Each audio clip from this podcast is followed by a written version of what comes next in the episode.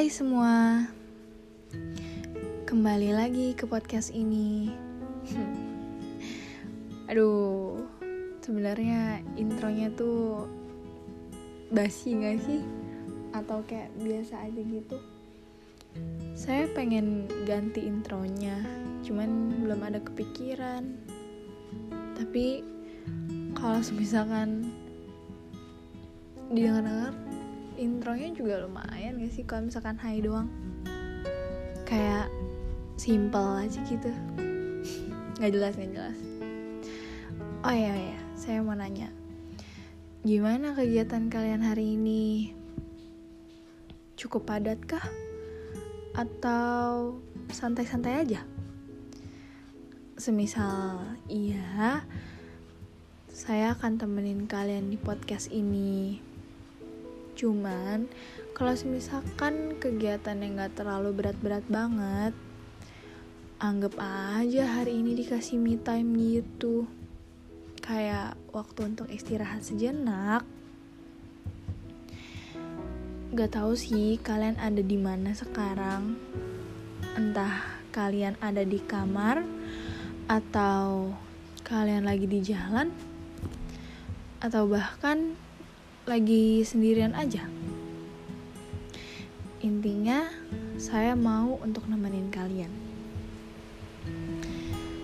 Kalau didengar lagi pertanyaan yang tadi itu sama kayak intronya. Cukup klasik gitu ya. Nanyain kabar dan kegiatan. Tapi bagi saya Pertanyaan itu sangat berharga dan sangat saya tunggu-tunggu. Pertanyaan yang sering kali dilemparkan oleh seseorang kepada saya. Ya, mungkin sebagian dari kalian sama kayak saya. Kayak kalau misalkan kalian ini tuh nggak terlalu sering buat chattingan dengan seseorang itu. Namun, kalian saling bertukar cerita di malam harinya lewat telepon. Ini kayaknya si seseorang ini pengen saya kasih nama gitu deh. Siapa ya? Hmm. Oke, nanti saya pikirin dulu deh. Biar ada karakter gitu di podcast ini. Hmm. Balik lagi ke topik. Biasanya tuh isi teleponnya cerita tentang apa yang udah dilewatin hari ini. Mau itu cerita konyol atau cerita serius. Tapi pertanyaan, bagaimana harimu? Atau ada apa aja hari ini?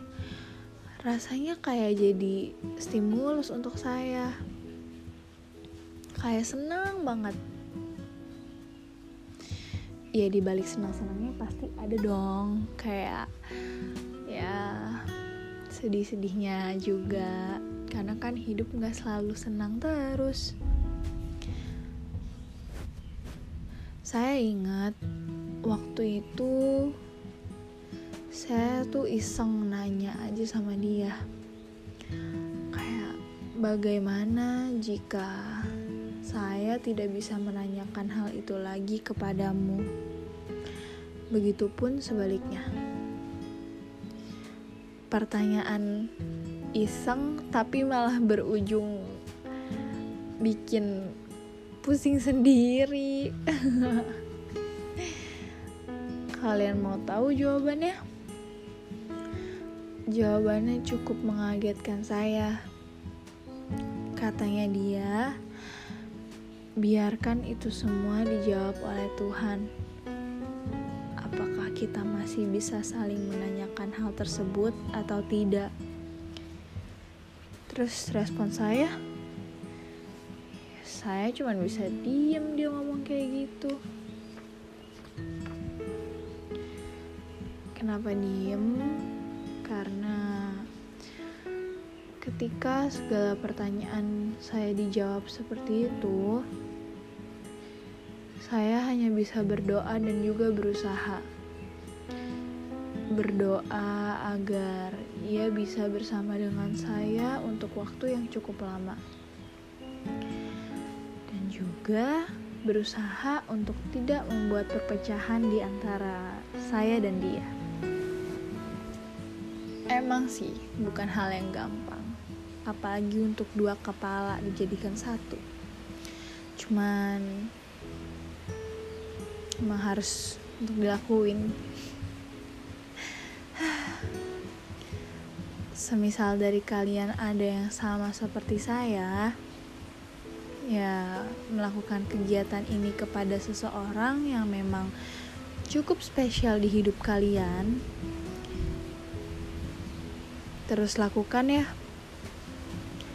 Dan semisalkan dia tiba-tiba tidak bisa mempertanyakan lagi kepada kalian kalian tidak boleh bersedih untuk waktu yang lama.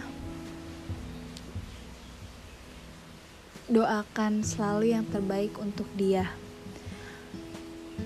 Apa pun itu doanya yang penting terbaik untuknya